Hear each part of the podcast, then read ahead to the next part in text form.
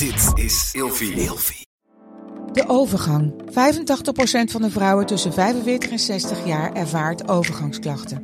Klachten die kunnen leiden tot een verkeerde diagnose of langdurige arbeidsongeschiktheid. Wat kun je doen als je overgangsklachten ervaart? Hoe maak je dit bespreekbaar op je werk? En als jouw medewerker bij jou komt, wat kun je als werkgever dan doen? Sector Instituut Transport en Logistiek heeft een kennisplatform ontwikkeld waar jij terecht kunt voor tips en adviezen. Wil je hier meer over weten? Kijk dan eens op stl.nl/slash overgang. Gezonde voeding en beweging zijn al van kinds af aan een belangrijk onderdeel van mijn leven. Via Atida Pure heb ik nu een persoonlijk advies gekregen waarbij ik suggesties heb voor mijn dagelijkse benodigde aanvulling van vitamine en mineralen. Bij Atida Pure geloven ze niet dat iedereen hetzelfde is en dat iedereen wat anders kan gebruiken aan voedingssupplementen. Er zit 15 jaar aan ervaring in de supplementen, ze zijn wetenschappelijk onderbouwd en van de hoogste kwaliteit. Dus wil jij, nou net als ik, goed voor jezelf zorgen, lekker in je vel zitten en bewust met je lijf omgaan? Met de code Nienke ontvang je nu 50% korting op je eerste bestelling. Check de website van Atida Pure in de show notes en maak vandaag nog jouw eerste bestelling. Ik heb dit onderwerp met haar ook een aantal keer besproken. Van, stel we gaan 30 jaar met elkaar en het, is, het seksleven is niet meer spannend. Hoe gaan we hier daarmee om? Gaan we dan een swinger worden? Gaan we een open relatie? Zeg, want ik zou jou niet kunnen delen. Maar het is wel echt geweest dat ik zelf wel iets anders zou willen.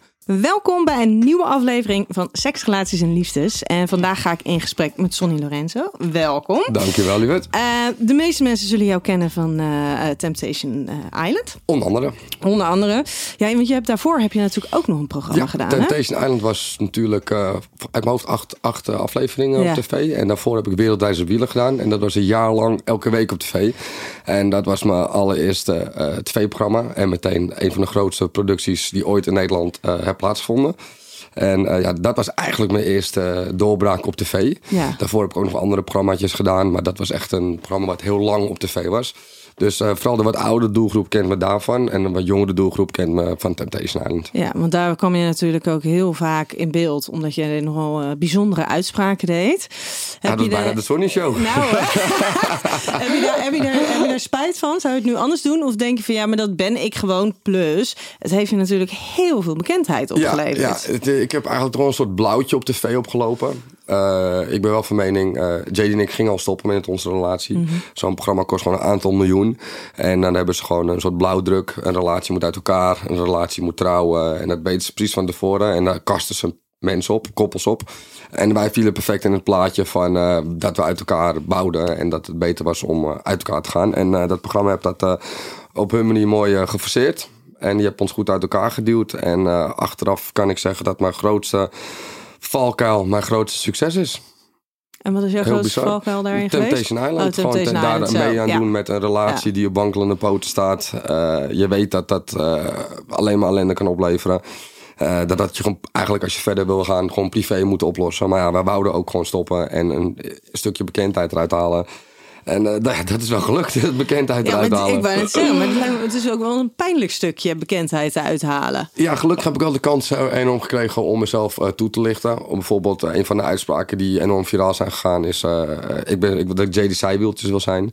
Nou, nou kan ik... eh, eh, nou neem ik, die, neem ik mijn woorden niet terug, want ik heb dat gezegd. En eh, daar sta ik nog steeds achter. En voor alle mensen wie ik hou, wil ik graag zijwieltje zijn. Ja. Als ik later mijn moeder moet verzorgen, gaat ze niet naar een bejaardentehuis, maar ik zal haar opvangen. Als ik mijn nichtjes van school moet halen, ben ik ook hun zijwieltjes. Dat is gewoon zo uit zijn content getrokken. Alsof ik een van de mafkees ben, maar dat waren, zaten gewoon de juiste intenties achter. Alleen dat is met knippen en plakken niet zo overgekomen. Dat is tv, hè? Dat is tv. Dat is En daarvoor tv. doe ik tegenwoordig liever podcast. Ja. nou, bij deze heb je in ieder geval de kans om, eh, om, om jouw eh, verhaal te doen. Of in ieder geval hè, om met mij in gesprek te gaan. Maar ehm, jij zei net al eventjes, staat daar eh Bobby's water op tafel? Nee, dit is Gin. Bobby's Gin. Gin, water. Schiedam. Dus deze is van jou. Oh, lekker. Nou, ik ben op de motor. Als ik zo meteen aangekomen ben, ga ik hem zeker, Ja, eh, ga ik hem zeker proeven. Precies. Leuk. Nou, thanks eh, Bobby's. En eh, deze krijg je ook van mij. Wat is dat dan? Dit is mijn boek, Oh, leuk. de relatie APK. De relatie APK. De relatie nou, ik APK. begin voorlopig niet meer aan relaties. Nee, maar... dat had ik begrepen. Maar deze gaat over, eh, begint heel erg bij jezelf. En over jezelf, over je eigen hechting, over je eigen behoeftes, dat soort dingen. Dus zeker in, in de aanloop naar een relatie toe kan die ook eh, ehm, heel erg goed van pas komen. Oké, nou nice. Ja, ik zit soort van één been met een... eh, ik, ben, ik zie een, een dame regelmatig. Ja. En ik zit met één been wel in een soort, soort relatie. Maar ik heb gezegd van, als je je juiste normen en waarden hebt... waarvoor moeten we dan een woordje relatie binden? Ja, Weet je, mijn normen en waarden is als ik iemand leuk vind... dan hoef ik niet bij de buren te kijken. Dus als het gewoon leuk is tussen ons... eh, hoef ik er geen labeltje aan te plakken. Weet je, we hebben het gewoon leuk en eh, we zien elkaar veel. En eh, mocht ik wel een keer met iemand anders doen... dan ben ik geen bad guy. Daar komen we straks nog even op terug. Hey, ik ehm, ehm, ga het vandaag heel graag hebben met jou over een stukje, een stukje hechting. En hoe de relatie van je ouders nou de bouwstenen vormen van hoe jij in je leven relaties eh, aangaat. Ja. Ehm, maar ik heb je ook gevraagd om vijf woorden te bedenken die gaan voor jou over seks, relaties en liefdes. Heb jij die kunnen bedenken? Eh, nee, maar ik kan ze toch zo eh eh freestylen. Eh, vijf woorden die bij seks, relaties en... Oké, nou, het stukje, eerste woord dat ik zeggen is eh, monogamie. Eh, monogamie, loyaal. Een klein zinnetje. Ik denk dat seks toch wel... bij mij staat het in de top drie van wel belangrijke dingen in een relatie. Ik denk als je geen goede seks hebt, dat je relatie ook niet helemaal top is. Ik vind dat bij mensen, bij mij vind ik seks wel heel belangrijk. Toekomstbeeld. In een relatie werk ik toch altijd wel naar, naar, naar een toekomstvisie toe. Nog eentje dan. Ja, dat liefde. Liefde is gewoon het belangrijkste in het leven. Maar liefde kan je op vele manieren, vele vormen en manieren eh, vinden. Je kan liefde in, eh, in alle relaties vinden. Ik heb ook liefde in de relaties met mijn vrienden. Ik heb ook liefde in de relaties met mijn nichtje. Liefde kan je in zoveel vormen vinden. En eh, is het voor mij het belangrijkste in het leven. Ja, en dan ben ik zo benieuwd, hè? Want jij zei net dus van met de, de, de dame die je, die je nu ziet. eh, nou, je plakt er geen label op, je hebt geen relatie. En op het moment dat je dus met iemand zoent, dan ben je dus niet de bad guy. En vervolgens heb je het wel gelijk over een van die woorden, eh, monogamie. Ja, monogamie. Ja. Maar in hoeverre ehm, heb je niet gewoon een vorm van een relatie? Want het is natuurlijk, hè, hoe definieer je een relatie? Hoe definieer je een relatie? Ja, ik, ik, ja, een relatie is natuurlijk, eh, eh, daar komen spelregels bij. Ja, Da daarvoor begin een relatie. En eh, ik ben van mening als je een relatie begint, dat je altijd moet zorgen dat je het positieve bij je partner naar boven haalt. En niet het negatieve. En natuurlijk komt de relatie in golven en kan het niet altijd goed zijn.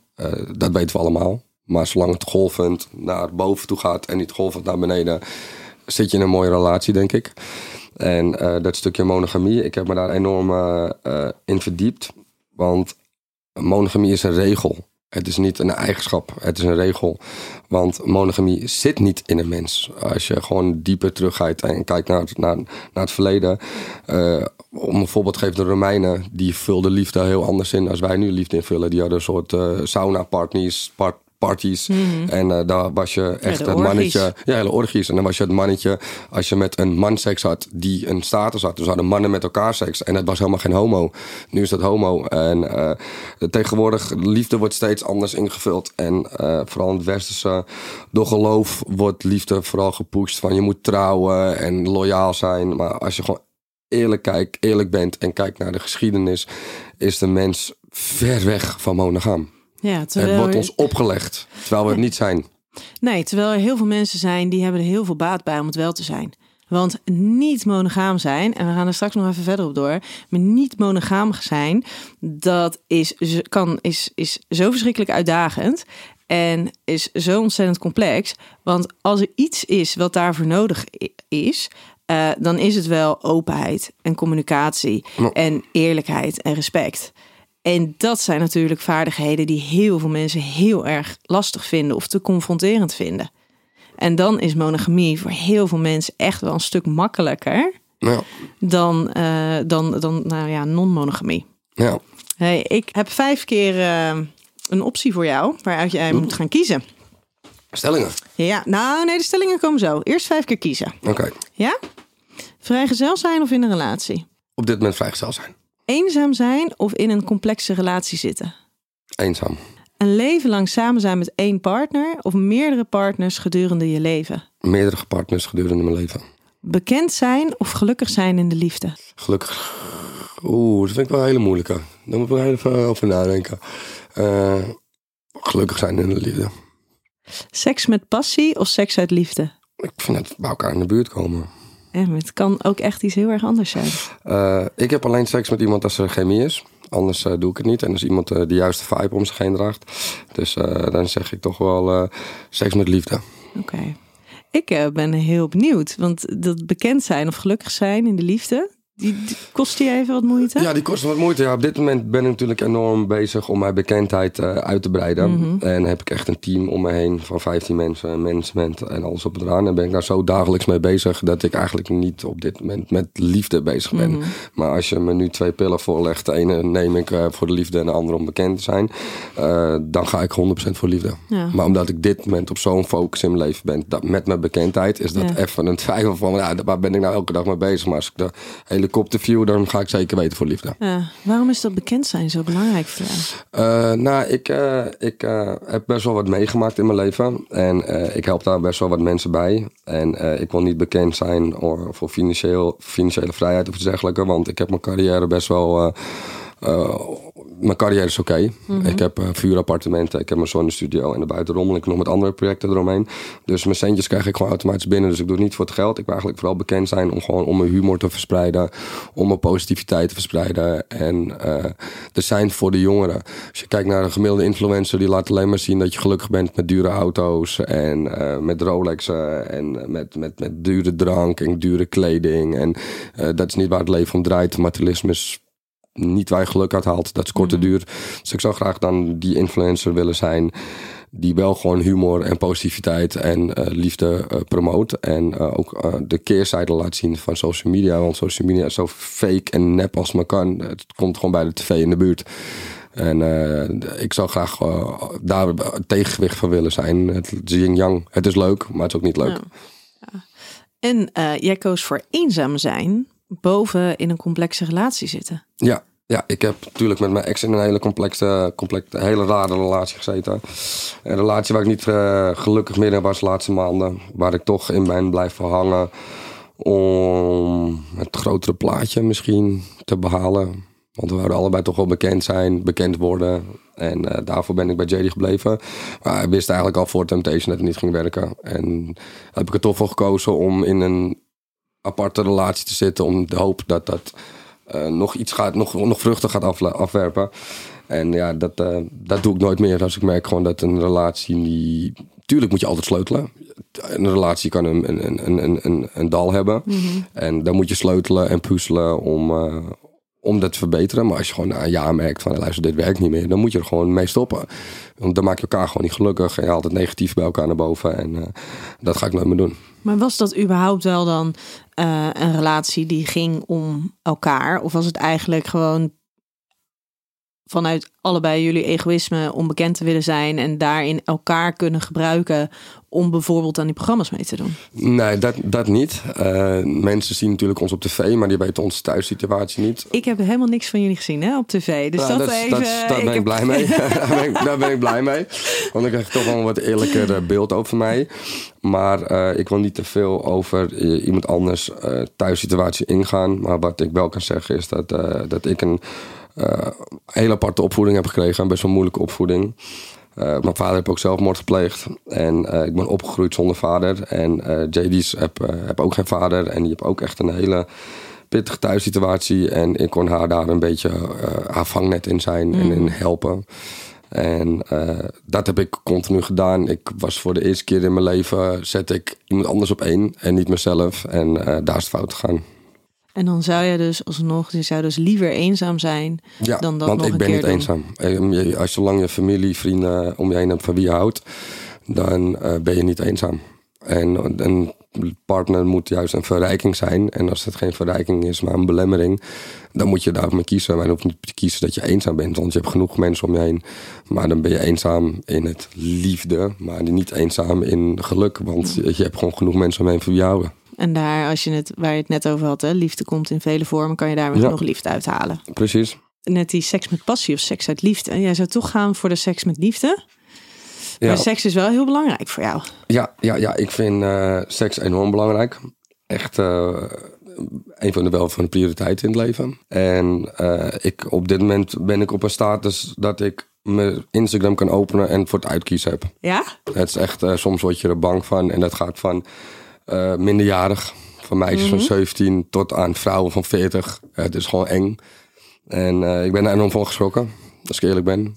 Eh, ik zal alleen met iemand het bed induiken waar emotion mee is, waar chemie mee is, waar, eh, waar een, een positief persoon. Want ik ben toch wel vrij spiritueel aangelegd. En ik ben van mening, als je seks hebt met iemand die heel negatief is, kan het alleen maar negativiteit in je leven brengen. En heb je seks met een mooi persoon die, eh, die humor en positiviteit en allemaal andere mooie eigenschappen bevat, dat dat, dat dan een verrijking is. Dus ik ben heel zorgvuldig met wie ik eh, de lakens deel. En maken ze een kans als ze zich eh, in jouw, in- als ze in je DM sliden? Nou, ik ga niet zeggen dat ik het nooit gedaan heb, want dan ben ik gewoon aan het liegen. Dus ik heb zeker een keer daar gebruik van gemaakt. Maar ik ben er ook heel snel achter gekomen dat dat niet mijn manier is om een, een bedpartner te vinden.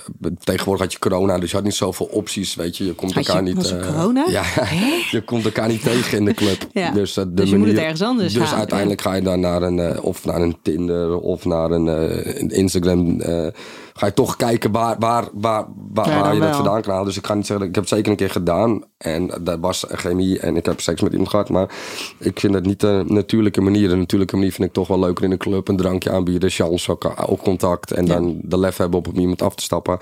Dat vind ik veel leuker ontstaan dan... eh, ja, dan dat de, ik ben niet zo digitaal, weet je wel. Ik vind het hele social media eigenlijk gewoon ellendig. Ja, en toch is dat zeg maar een soort van Ja, enorm belangrijk binnen wat tool. je aan het doen Het was bent. de enige ja, tool het is, om, eh, om toenadering ja. te zoeken eh, naar het andere geslacht. Want eh, ja, dat, dat was er gewoon niet. Nee, mooi. Oké. Hey, ik heb vijf, vier stellingen voor jou. Ehm, de eerste. Tel me. Ware liefde is onvoorwaardelijk. Daar ben ik niet mee eens. Nee? Je kan echt, Want? ik heb echt eh, vier keer een relatie gehad van drie jaar. En eh, ik kan echt wel zeggen dat ook zeker in de beginfase fase met JD was het ware liefde. En met mijn andere ex Lisa was het ook ware liefde. En met mijn andere ex Michelle was het ook allemaal ware liefde. We waren echt allemaal verliefd, gelukkig, et cetera. En eh, op een gegeven moment wordt verliefd houden van. En eh, na ruzies komen breukjes. Dus dan kan ware liefde gewoon eh, afbrokkelen. Wat is ware liefde dan voor jou? Veel. Eh ware liefde is gewoon het positieve bij elkaar naar boven halen. Een aanvulling zijn in elkaars leven. En eh, mooie herinneringen opdoen. En ja, dat is voor mij wel ware liefde. Maar ik ben ook van mening dat er niet één ware liefde kan zijn. Weet je? Ik geloof niet, er zijn meerdere soulmates en niet één. En ware liefde bestaat, maar dat kan afbrokkelen. Die mogen komen en gaan. Ja. En dan eh, ben ik heel benieuwd, ook eh, met betrekking tot de volgende. De relatie van je ouders wordt de basis van je eigen relaties. Nou, ik denk wat je thuis meekrijgt, dat dat wel de blauwdruk is eh, van hoe jij denkt en hoe je bent. Maar dat mag absoluut niet je eigen normen en waarden worden, vind ik. Want Boeddha zegt altijd iets heel moois. Boeddha zegt altijd van geloof niet iets omdat je ouders het zeggen. Geloof niet iets omdat het in, eh, het geloof het zegt. Geloof, niet iets omdat leraar het zeggen. Pas als iets bijdraagt aan het hoogste goed, moet je daarin geloven. En daar geloof ik ook in. Het is niet zo dat wat wij thuis meekrijgen, dat dat ook jouw leven moet zijn. En soms gebeurt dat wel eens. Je ziet dan vaak met huishoudelijk geweld dat een kind dat dan overneemt omdat dat van hem normaal was. En het is juist de kracht om dan die cirkel te doorbreken. Ja, ik ben of- ook eh, opgegroeid met huishoudelijk geweld. En ik heb veel ellende voor mijn ogen gezien. En als ik één ding echt respect voor heb, is het voor vrouwen. Ja. Want ik ben uiteindelijk opgegroeid door vrouwen, door mijn moeder en mijn zus. En eh, ik heb gewoon heel veel meegekregen wat, wat sommige dingen met vrouwen doen. En dat is meer dan met mannen. Mannen zijn wat zwart-witter en vrouwen veel meer kleur daartussenin. En eh, ik denk dat vrouwen ook dieper gekwetst kunnen raken dan mannen. Maar tegelijkertijd hebben vrouwen ook weer heel veel positieve dingen. Een hogere pijngrens dan mannen. Dus dat, ja, eh, elk, elk, elk geslacht heeft zijn heeft zijn- heeft zijn voordelen. Ja. En eh, ik heb gewoon... Een, een man is niks zonder een vrouw. Maar ben, je, ben jij opgegroeid met ware liefde om je heen? Heb je dat gezien? Eh, Wat, was er iets daarvan tussen jouw ouders? Nou, mijn ouders, eh, mijn moeder, vooral de laatste jaren bleef mijn moeder vooral ongelukkig bij mijn vader. En hebben ze uiteindelijk ook de keuze gemaakt om, om bij hem weg te gaan. Eh, die klap kon hij niet helemaal handelen, omdat hij niet goed voor haar was. En mijn moeders goed recht was om bij hem weg te gaan. Eh, heeft hij zelfmoord gepleegd door liefdesverdriet. Dus, Is, is dat ook ware liefde? Want het, is wel een soort van echt een reactie geweest uiteindelijk. Want hè, ik heb begrepen dat jij eerder hebt gezegd dat hij meerdere keren heeft gezegd dat hij iets zou doen. Of Ja. pogingen heeft gedaan. Ja. Dat heeft hij elke keer niet gedaan. Ja, er zijn zeker twintig pogingen geweest Ja. om aandacht te trekken. En, dat werkte ook. Maar Ja. ik denk niet dat dat ware liefde is. Zelfmoord willen plegen om je partner terug te willen krijgen. Om aandacht te krijgen. Ik denk niet dat dat ware liefde is. Ik denk wel dat dat een bepaalde hou van is. Dat je iemand gewoon echt terug wil. En dat je daar heel eh, kansloos mee omgaat. Maar ik denk niet dat dat eh, de vorm van ware liefde is. En, en wat er dan tussen jou en, en je moeder en je zus gebeurde, is dat is daardoor wel misschien meer liefde ontstaan tussen jullie drie? Eh, ups en downs. Ups en downs. Ik, heb, ik was echt op dat moment wel de ruggengraat van de familie. Ik had een zonnestudio. En mijn moeder en mijn zus waren met z'n drieën de zonnestudio. En dan waren wij gebroken. En eh, ik ging vooral echt door met keihard werken. Ik werkte elke dag, dus dat hebben me er doorheen gesleept. Dat was nadat dat- hij zelfmoord had Ja, gepleegd. echt gewoon. Ja. Nou, ik, het was net een paar maanden voordat hij zelfmoord pleegde, begon ik mijn zonnestudio. Dus ik was net aan het begin met ondernemen. Toen gebeurde dat. En toen eh, heb ik toch wel de zaak overeind gehouden. Ik heb zelfs toen nog een beslissing gemaakt eh, om groter te gaan verhuizen. Terwijl ik in het diepste dal van mijn leven zat. Heb ik besloten om eh, toch groter eh, te verhuizen. En eh, ben ik doorgaan met ondernemen. Ik heb, mijn zus was hoogzwanger. kindje te vroeg geboren door stress. Dus ja, er kwam, het, was een, het was een negatief domino-effect in mijn familie. En ik heb me daar enorm recht in kunnen houden. En de boom kunnen zijn voor de familie. En dat heb ik onder andere te danken aan de relatie waar ik toen in zat. Ik had toen een relatie met Jalisa. En ik was zo verliefd op haar dat ik mijn verdriet af en toe weg kon drukken. Dus dat was echt ware liefde. Dat was een soort van Dat jouw was, rustpunt. dat was echt Ja. ware liefde. Dat ik kan zeggen, mijn vader pleegt zelfmoord. Maar omdat ik zo van iemand hou en zo verliefd op iemand ben... Ja. kon ik dat verdriet compenseren. Yin-yang weer, weet je. Dus, Ja. eh, dus dat heeft mij doorheen, enorm doorheen geslagen. Dus ja, ik denk dat dat wel een vorm van ware liefde is. Ja, ja, wat mooi. Maar als je het dan hebt over, zeg maar, ehm, wat, wat er tussen jouw ouders was. Want ze zijn dus wel al die tijd bij elkaar gebleven. Ja. Zijn er periodes geweest dat het, dat het oké was? Eh, ja hoor, ik ben wel echt opgegroeid dat mijn moeder heel veel voor me kon zijn. En mijn vader werkte en mijn moeder was er al- altijd voor mij. Ehm, mijn vader was gewoon een, een zakenman. En, eh, maar thuis was hij gewoon eh, niet altijd eh, de beste vader. Nee. Nee, maar dat heeft mijn moeder gecompenseerd. Ja, maar hij was ook niet de beste man voor je moeder. Nee, nee. Maar, en dat kan ik hem ook allemaal niet kwalijk nemen. Want mijn vader was een iets oudere man, oorlog meegemaakt. Komt uit een gezin van een, volgens mij twaalf kinderen, was de jongste. Is enorm zware jeugd, weet je. Dat tekent je gewoon. Die littekens, die maak je. En waardoor hij gewoon heel anders naar dingen keek. Nou, als je het hebt over zijn basis, ja, dan zijn was daar een basis boel... was helemaal... ja, eh, mijn, basis was al rom, onveiligheid en- mijn basis was al rommelig. En zijn basis was gewoon extreem rommelig. En dat vormt je. Maar ik ben voor altijd van mening dat je wel altijd op een kruispunt staat van... ga ik naar beneden en ga ik me negatief veranderen of ga ik positief veranderen? En ik heb altijd Mhm. Ja. gekozen om gewoon eh, de negativiteit om te draaien naar positiviteit en van te leren. Want misschien heb ik dan in die opzicht niet de beste vader gehad. Maar ik blijf altijd zeggen nog steeds...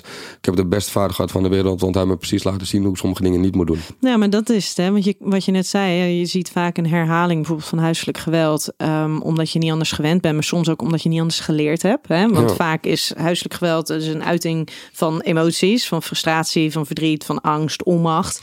En als jij nooit geleerd hebt hoe je dat op een andere manier kan uiten dan met huiselijk geweld, dan is dat dus wat je gaat doen. Ja. Maar aan de andere kant, ehm, zeker als je dan ook nog een ouder hebt zoals je moeder, die dus wel, zeg maar, waar wel beschikbaar voor jou is en waar je een goede liefdevolle relatie mee hebt, dan kan het juist ook een soort tegenovergesteld effect hebben dat je juist denkt van ja, maar dit wil ik dus niet en ik wil hier een verandering in Precies maken. dat. Precies dat. En dat, voor die weg heb ik gekozen. En eh daar zeg ik ook altijd van, ik leer graag van iemand anders fouten. Hoef ik ze zelf niet te maken.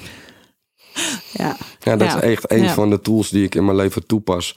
Wat mij succesvol gemaakt heb. Succesvol gemaakt heb, succesvol gemaakt heb op, op meerdere fronten. Op business, op privé, op, op, op meerdere fronten. Ik leer gewoon van iemand anders fouten. En eh, dat pas ik toe in mijn eigen leven. ja. En dan gaan we voor- naar de volgende stelling, want ik ben heel benieuwd naar deze. Het verlangen om mensen te helpen komt voort uit een gevoel betekenis te hebben voor iemand en een verbinding aan te gaan. Ja, nou, ik ben sowieso wel van mening dat ik alle mensen eh, van die ik dicht om me heen heb, eh, heel graag help en een warm hart toedraag. En eh, bij JD was dat een beetje uit de klauw gelopen, omdat zij gewoon niet die hulp van thuis kreeg. Heb ik die rol heel erg ingevuld en dat is niet gezond, want ik hoorde de rol als partner in te vullen en niet de rol als, als, Vriendje als en teacher, vader, vader. en alles in één. dat, dat weet je. En die rol nam ik op me. En eh, soms heb dat eh positief effect gehad. En soms heb dat negatief effect gehad. Eh, een van de voorbeelden is, we gingen met wereldreizen wielen eh, gingen we weg en we kwamen terug. En JD had geen baan meer. En ik had mijn zonnestudio nog. Toen heb ik gezegd van, neem mijn baan. Ik vind wel wat. Dus toen gaf ik haar mijn, mijn basis. En dat doe je omdat je iemand houdt. Dat doe je omdat je iemand een warm hart toedraagt. En als ik dat opnieuw zou moeten kunnen doen, had ik dat zeker opnieuw gedaan. Ja, en dat is zo lastig, hè? Want eigenlijk, als je dan kijkt, ja, hoe help je iemand? Ja, dat is waarschijnlijk door iemand op dat moment de bouwstenen aan te reiken om zelf iets op te gaan bouwen. Achteraf In wel. plaats van, alsjeblieft, hier heb je het Ja, hele pakketje. in de schoot en, geworpen. eh, ja, ja, ja, ik, eh, ik had zeker. eh, ik, ik, dat, maar ja, als de rekeningen opstapelen en je gaat schulden opbouwen en je vaste lasten kan je niet meer betalen, dan wil ik best wel die, die hero zijn die jou dan een helpend handje toe uitreikt. Ja. En eh, dat zal ik voor alle mensen doen voor wie ik hou. Ja, maar dat is ook natuurlijk een beetje wat er altijd van jou verwacht is. Dat jij die verantwoordelijkheid draagt. Dat jij die verantwoordelijkheid voor over je zus en je, en je moeder droeg. Nou, niet altijd. Dus natuurlijk hebben ze ook gewoon hun eigen benen waar ze op moeten Ja. staan. En eh, daar kom ik nu ook steeds meer achter. eh, dat mijn moeder, bijvoorbeeld, soms moet ik mijn moeder een beetje loslaten. En dat ze zelf de weg gaat vinden. Maar eh, ik zie gewoon niet graag de mensen van wie ik hou vallen.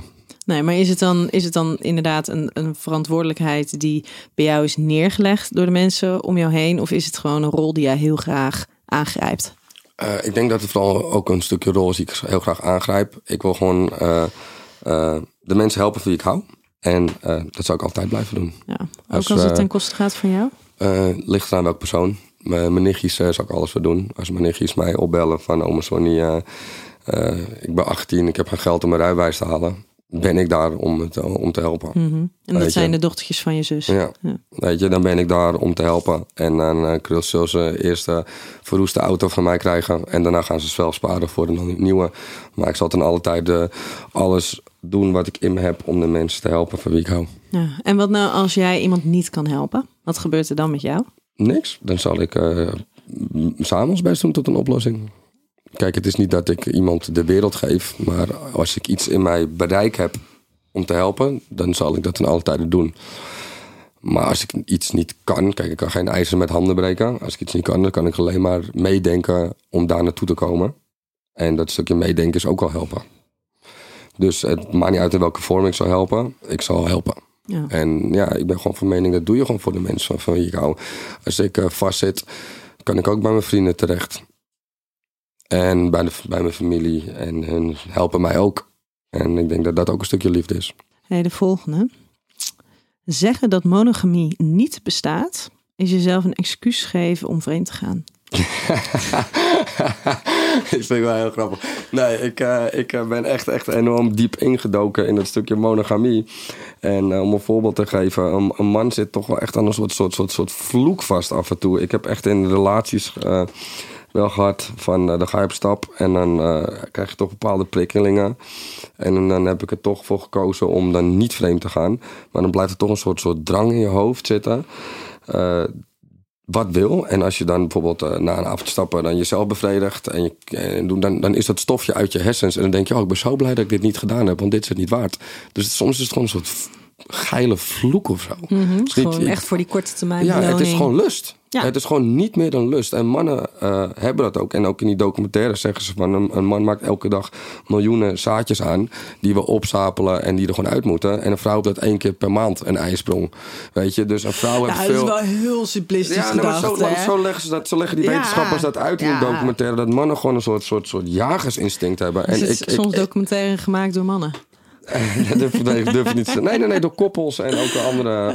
Het, het, je moet er maar kijken. Het, eh, op Explain, staat zeker. die, Explain staat die monogamie. En Ja, dan gaan ze de, de 18 minuten duurt die. En het is echt zo interessant naar te kijken. Want we worden echt tegenwoordig de hoek ingedrukt dat we monogaam moeten zijn. Maar het zit niet in een man om monogaam te zijn. Oh, en nu is het ineens in een man zit Nou, het niet een, om een vrouw monogaam heeft te natuurlijk zijn. veel meer eh, eh, eh, behoefte om zorg te dragen, om een familie te starten. En een, een man heeft vooral, denk ik, een een carrière willen maken. En, en als we gewoon teruggaan naar, naar, naar, naar echt way back in de tijd, dan wou een man gewoon alleen maar voortplanten. En een vrouw gewoon graag zorg dragen. En ik vind, monogamie zit niet in een mens. Maar wat ik wel in een mens vind zitten, is loyaliteit. Ja. Je kan zo loyaal zijn dat het monogaam is. En daar geloof ik absoluut in. Ik geloof helemaal niet in de zin van monogamie. Dat geloof ik niet in. Het is gewoon bewezen dat het niet in een man zit. Maar ik geloof wel in loyaal zijn. Als je gewoon zo gek op iemand bent en zoveel van iemand houdt, dan kan je loyaal zijn. Zoals op dit moment ben ik zo gek op iemand dat ik eigenlijk helemaal geen oog heb voor andere vrouwen. 0,0. Als ik op Nee, stap maar je wil er ook geen labeltje relatie aan geven. Maar dat komt door, door, doordat mijn vorige relatie zo eh, veel impact op mij heeft gehad. Mijn vorige relatie heb ik zo iemand veel willen helpen. En zo iemand ook echt geholpen. En achteraf is dat stuk gegaan. En dat heeft me best op een hele vrede manier. eh, op een, vreedzame manier. En dat, dat, dat, ja, dat heeft me gewoon zoveel stuk gemaakt. Ik ben nu 28. Ik wil rond mijn 35 waarschijnlijk kinderen. Dus dan weet ik over zeven jaar moet ik echt aan een serieuze relatie beginnen. Dus laat me alsjeblieft nu nog maar heel eventjes lekker vrijgezel zijn Mhm. en eh, niet de stempel relatie geven. En ik, ik heb vier keer, vier keer drie jaar relatie gehad. Ja, best wel ik ben lang, hè? 28. Ik heb Ja. alleen maar relaties Ja. in mijn leven gehad. Dus laat mij nu maar heel eventjes gewoon vrijgezel zijn Ja. en dan mijn eigen carrière bouwen. Zodat ik eh, later 100% voor de monogame relatie kan gaan. En Ben je bang dat als je er eh, nu het label relatie aan geeft, dat het dan gelijk ook helemaal wordt opgepakt door de media? Dat 100%. Want je vorige relatie heeft natuurlijk mega onder vuur 100%. gelegen in de media. De media hebben al een aantal keren ook eh, naar buiten gebracht dat ik een relatie zou hebben. Alleen die stempel heb het gewoon nog niet. En die stempel gaat het ook voorlopig niet krijgen. We zien elkaar nu een aantal maanden en we zijn helemaal gek op elkaar. En eh, ik hoef er geen eh, sticker op te plakken. Ik heb gewoon de juiste normen en waardes. En als ik gek op iemand ben en van iemand hou en verliefd op iemand ben, hoef ik mijn pik niet iemand anders te steken, om het even grof te zeggen. Dan heb ik gewoon de juiste normen en waardes voor meegekregen om dat niet te doen. En Maar dat wil ik geloof, daar dat niet, het ik geloof niet daar het- niet in monogamie, maar Ja. waar ik wel in geloof, is iemand kwetsen. Ja. Want ik heb dit onderwerp met haar ook een aantal keer besproken van... Stel, we gaan 30 jaar met elkaar en het, is, het seksleven is niet meer spannend. Hoe gaan we hier daarmee om? Gaan we dan een swinger worden? Gaan we een open relatie? Zeg, want ik zou jou niet kunnen delen. Maar het is wel egoïstisch dat ik zelf wel iets anders zou willen. Dus, ik ben, dus dat is een heel moeilijk onderwerp. Een heel zwaar onderwerp. Maar met gewoon normale communicatie kan je er wel een middenweg in vinden. Ja, want dat vind ik inderdaad wel mooi. Hè? Want toen we elkaar hiervoor spraken, toen was het inderdaad dat jij ook zei van ja, maar ik geloof dus niet in monogamie. En als je dus een langdurige relatie hebt, dan gaat het ongetwijfeld een keer gebeuren dat je dus een stukje lust ervaart bij iemand anders en daar ook naar wil handelen, dan wel handelt. Maar hoe kan je dat dan verenigen met het stukje dat je je partner niet- wil kwetsen? Kwetsen. En hoe doe je dat dan? Het is bijna een onmogelijke puzzel Ja. die voorgelegd wordt. Omdat die puzzel gemaakt wordt door de maatschappij waar we nu in leven. Dat monogamie en trouwen en dit en dat, dat dat het leven is. Maar ik vind dat gewoon het systeem leven. Maar Het- waarom maak je dan geen andere keuzes? Want als je kijkt naar jezelf, je toekomstbeeld. Je zegt net ook, ja, op mijn 25ste of op mijn 35ste, dan wil ik wel aan kinderen beginnen. En dan wil ik dus wel klaar zijn voor die, voor die monogame relatie. Dus in principe doe je het natuurlijk zelf ook. Ja, Terwijl jij zelf ook de keuze kan maken om iets anders te doen. ja, ja, ja het, is, het is iets wat wij eh, gewoon inderdaad wel eh, regelmatig bespreken. Van, eh, ik ben van mening, communicatie is het allerbelangrijkste in een relatie. Dan kan je overal uitkomen en beter uitkomen. In plaats van dingen doen en later een ruzie krijgen. We gaan er van tevoren dingen bespreken en zorg dat je op één lijn ligt. En ja, ik, ik, ik vind het gewoon echt een heel moeilijk onderwerp. Ik weet de oplossing ook niet. Ik weet alleen uit wetenschappelijk onderzoek dat het zo. Dat, dat, dat, dit- dat dit de kaarten zijn.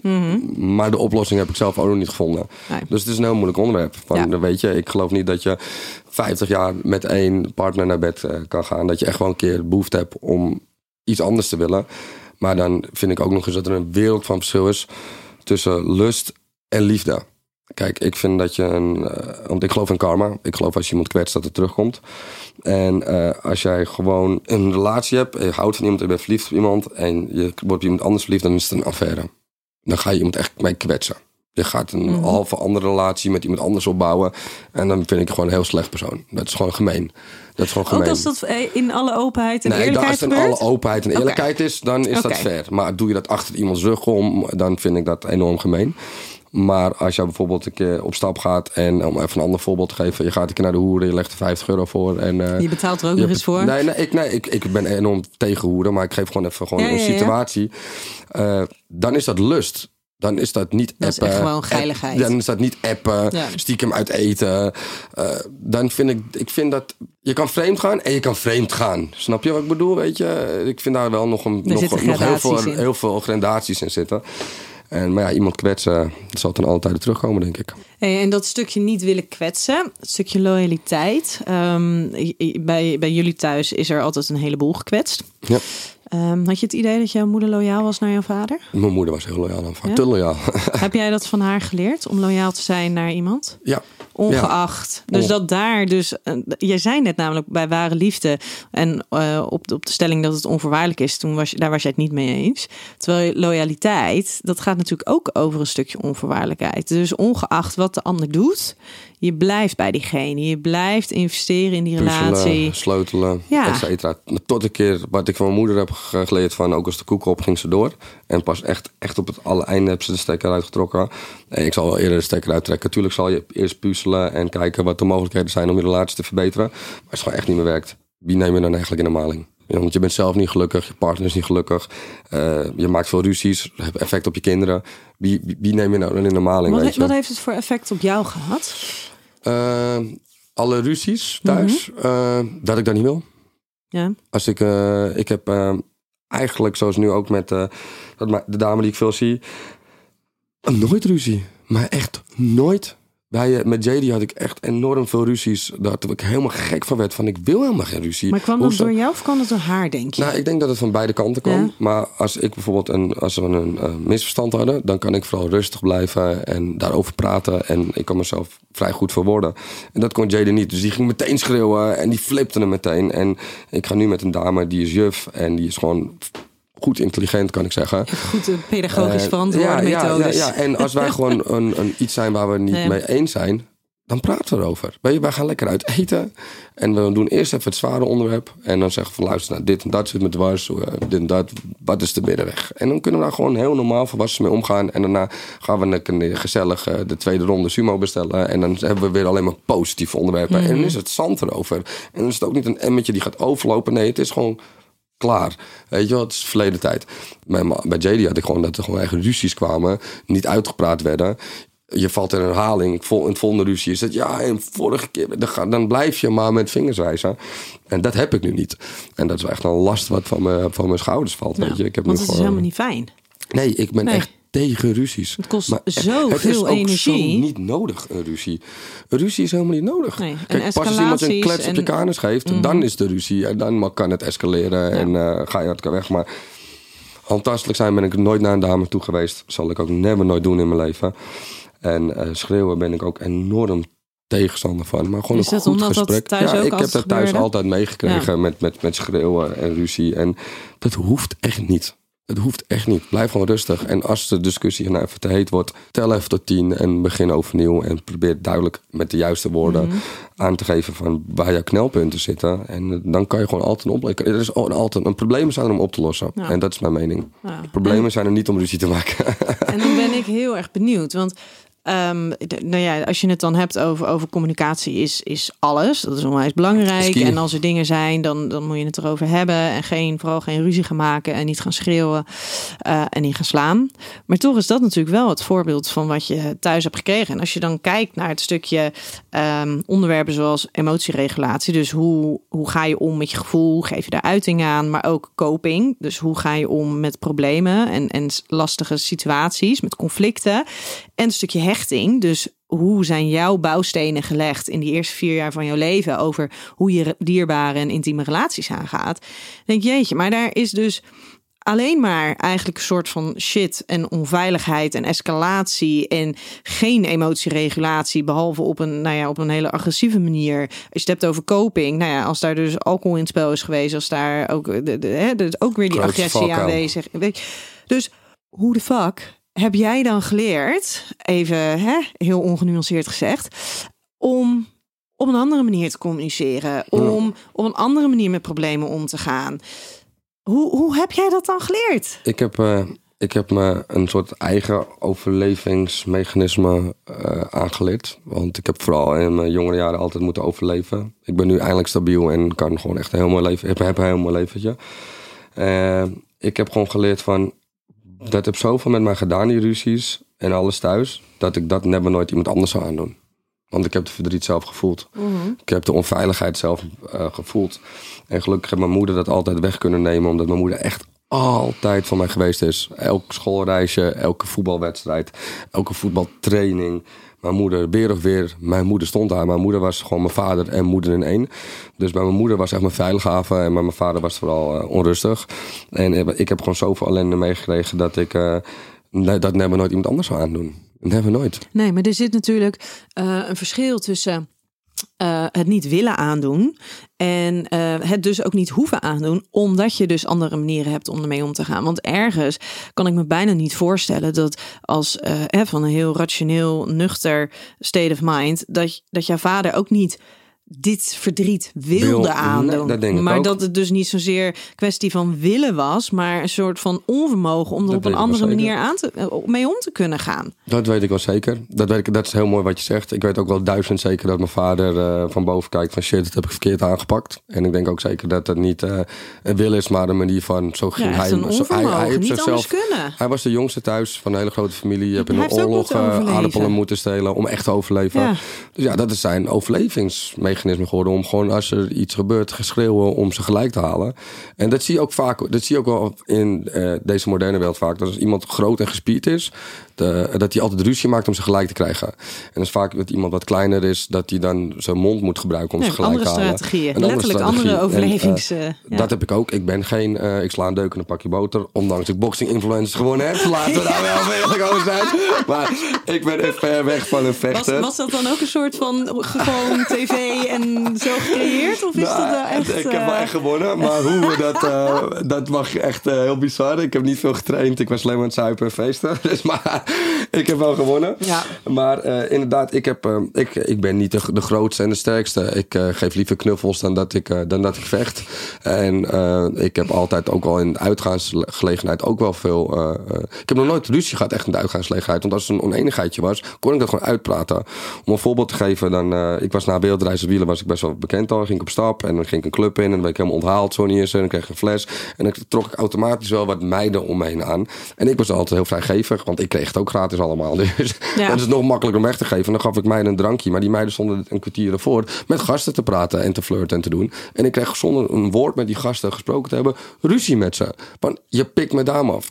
En dan zei ik van, nou, als, als je me een beetje kent, dan weet je dat ik in een relatie zit. Ik bied hun een drankje aan, omdat ik gewoon vrijgevig ben. Ik zeg maar, daarentegen, wil je ook wat drinken? En dan was het opgelost. Ja. Maar heb jij een beetje, weet jij dat je kan vechten en alles, dan is, dan is het heel gaaf. Van, wat moet jij Ja. dan? En dat heb ik nooit gehad. Ik heb altijd gewoon mezelf eh, eh, met woorden eruit kunnen lullen, om het zo Ja. te, even te benoemen. Want ja, ik ben geen vechter. Ja, tot nu, hè? Want nu denkt iedereen dus dat jij heel goed kan boksen.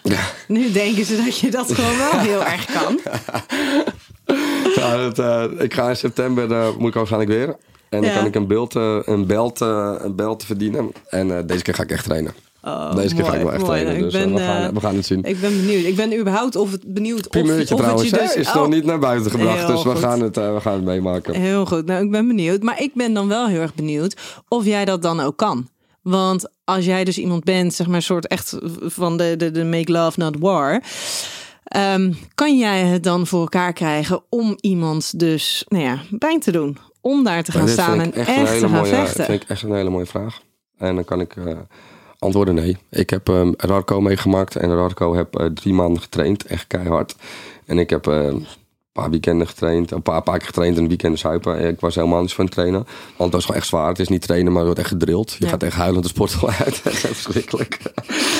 En eh, eh, derde ronde zag ik dat Radko... eh, de eerste ronde denk ik dat 70% voor hem was. De tweede ronde was 60% voor hem qua winst. En de derde ronde won ik met zeker 80, 90%. En daar won ik de partij mee. En de laatste ronde, als ik hem ook in zijn ogen aankeek... zag ik gewoon paniek. Ja. En eh, achteraf kwam naar buiten dat hij een astma had. En dat hij echt geen lucht meer kreeg. En na de wedstrijd is hij ook echt door ambulance eh, eh, geholpen om weer tot adem te komen.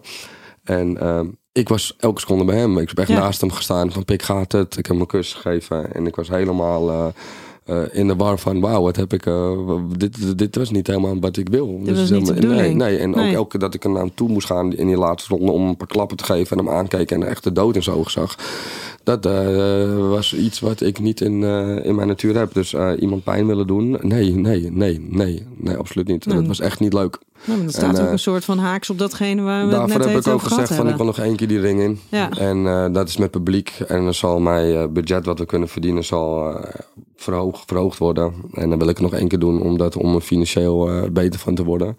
Maar als ik financieel op een andere manier beter kan worden, dan sla ik het over. Zo, maar dat lijkt me wel heftig hoor. Want dan moet je dus echt iets doen wat, wat gewoon zo tegen je natuur ingaat. Ja. Dat zeg ik ook continu tegen management van ik ben geen vechter. Nee, en het scheelt Ik vind het een hele vette ervaring, laat ik Mhm. dat voorop stellen. Eh, het is toch wel een keer vet om eh, de ring in te gaan en Mhm. om te kijken wat, eh, wat dat brengt. En dit keer was het zonder publiek en ik wil dat nog één keer meemaken met publiek om die full experience mee te maken. En daarna bedank ik Boxing Influencers. Ja. eh, bedankt. eh, en dan zou ik er als toeschouwer zeker aanwezig zijn om het te promoten en te doen. Want het is wel een hele fijne organisatie. Melvin Manhoef is echt de meest toffe guy eh, die ik ontmoet heb in die wereld. Dus het gaat, het gaat met heel veel respect. Ja. En eh, wat ik jammer vond, eh, is met, met Radko... Daarvoor had hij een hele grote mond. Van je bent een pussy en eh, ik pak je. En, en ik stelde me gewoon heel humble op. Van luister, het is de eerste keer dat ik de ringen ga. Ik zie het allemaal wel. Niet getraind, niet getraind en helemaal, helemaal niet met de gedachte van ik ga je vermoorden. En hij had die gedachte wel. En omdat hij zich zo uitgesloofd heeft in die voorbereiding om mij naar beneden te trappen, heeft hij gewoon zijn karma gekregen. Ja, ja. Maar ehm, het is net, en in deze situatie is het natuurlijk ook nog zo dat je weet dat degene die tegenover je staat, die weet waar die ook aan begint. Ja. Die Ja, je is ook getraind, ervoor, dus die je tekent- ervoor. Je dat hebt erover iemand in elkaar gaat nagedacht. meppen die er Precies. geen eh, ervaring mee Maar heeft. als er dan dan- je jezelf verdedigen. Precies, maar als er dan zo'n moment ontstaat, wat er dus daar ontstond, waarbij hij dus gewoon letterlijk niet lekker wordt, Ja. niet lekker is, nauwelijks adem kan krijgen, Ja. En dan dan, je hem verandert de hele gelijkwaardigheid Wauw. ineens. Dat was echt pittig. Dat was echt niet leuk. Ja, Dat was echt niet leuk. Hey, eh, wij gaan hem eh, afronden. Ik wil jou heel erg bedanken voor dit gesprek, voor je openheid. En ik hoop eigenlijk dat jij eh, anderen, nou ja, eigenlijk wat jij ook heel graag wil, dat je anderen hebt kunnen inspireren hier. eh, Dat is wat ik wil graag doen. En Mensen dat, eh, inspireren. En dat iedereen de kans krijgt om jou op een andere manier te kennen. Daar zijn we hard mee bezig. Ja? Het nieuwe televisieprogramma wordt ook deze week opgenomen. Ah, dus weer een gaaf. primeurtje, mag niet zeggen wat. maar er zijn heel veel programma's die ook eh, deze mij de kans willen geven om de echte Sony te laten zien. En niet de verknipte Sony van Temptation Island. En dat podium krijg ik en dat pak ik. Dus ik wil jou bedanken voor deze uitnodiging. En eh, wellicht misschien tot nog een keer. Ja, nou, graag gedaan. En lieve luisteraars, eh, tot een volgende aflevering van Seks, Relaties en Liefdes. En vergeet alsjeblieft niet om eh, de podcast te volgen, zodat je op de hoogte blijft van de laatste afleveringen. Tot volgende week.